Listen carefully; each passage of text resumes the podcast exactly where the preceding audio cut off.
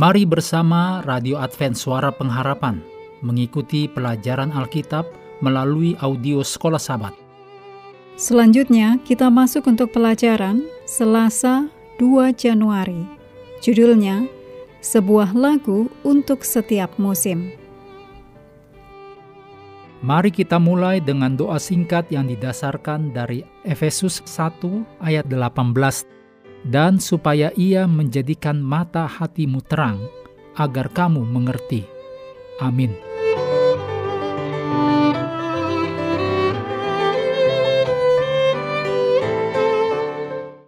Dalam Mazmur 3, Mazmur 33 ayat 1 sampai 3 dan Mazmur 109 ayat 6 sampai 15 terdapat sisi-sisi berbeda dari pengalaman manusia yang disampaikan oleh Mazmur ini.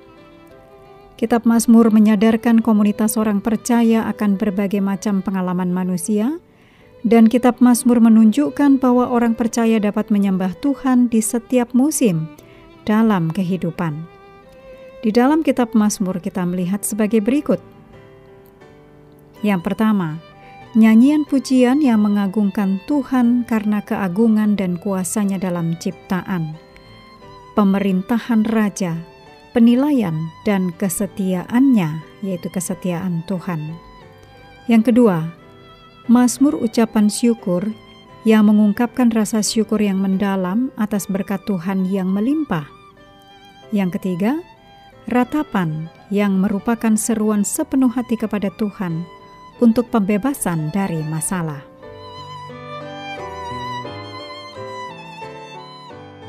Yang keempat, Mazmur Hikmat yang memberikan pedoman praktis untuk hidup benar. Yang kelima, Mazmur Kerajaan yang menunjuk kepada Kristus yang adalah Raja yang berdaulat dan pembebas umat Allah. Yang keenam, Mazmur sejarah yang mengenang masa lalu Israel dan menyoroti kesetiaan Tuhan dan ketidaksetiaan Israel untuk mengajar generasi mendatang agar tidak mengulangi kesalahan nenek moyang mereka, tetapi untuk mempercayai Tuhan dan tetap setia pada perjanjiannya.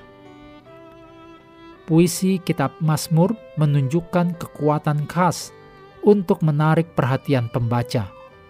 Meskipun beberapa dari perangkat puitis ini hilang dalam terjemahan, kita masih dapat dalam bahasa ibu kita mendapatkan banyak di antaranya. Yang pertama, paralelisme melibatkan penggabungan kata, frasa, atau pemikiran yang dibangun secara simetris.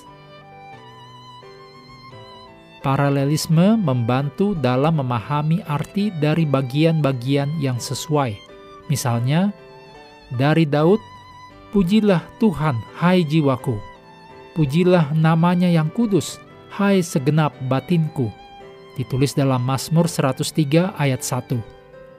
Dalam paralelisme ini, jiwaku adalah semua yang ada di dalam diriku, yaitu seluruh keberadaan seseorang. Yang kedua, perumpamaan menggunakan bahasa kiasan untuk secara kuat menarik indera fisik pembaca Misalnya perlindungan Allah digambarkan sebagai naungan sayapmu, ditulis dalam Mazmur 17 ayat 8.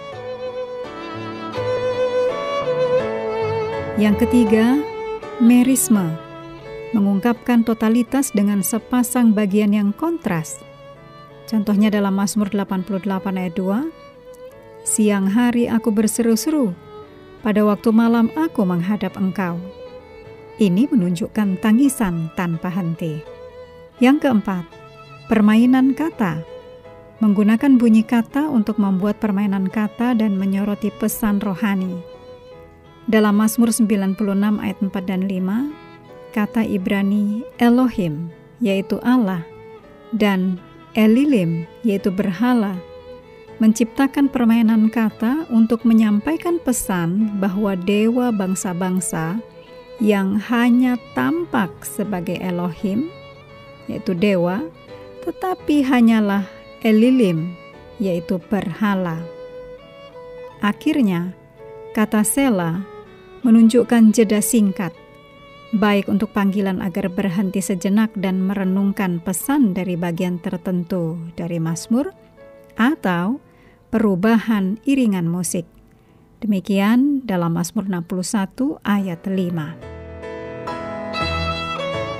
Mengakhiri pelajaran hari ini, mari kembali ke ayat hafalan dalam Lukas 24 ayat 44 dan 45. Ia berkata kepada mereka, Inilah perkataanku yang telah kukatakan kepadamu ketika aku masih bersama-sama dengan kamu, yakni bahwa harus digenapi semua yang ada tertulis tentang aku dalam kitab Taurat Musa dan kitab nabi-nabi dan kitab Mazmur.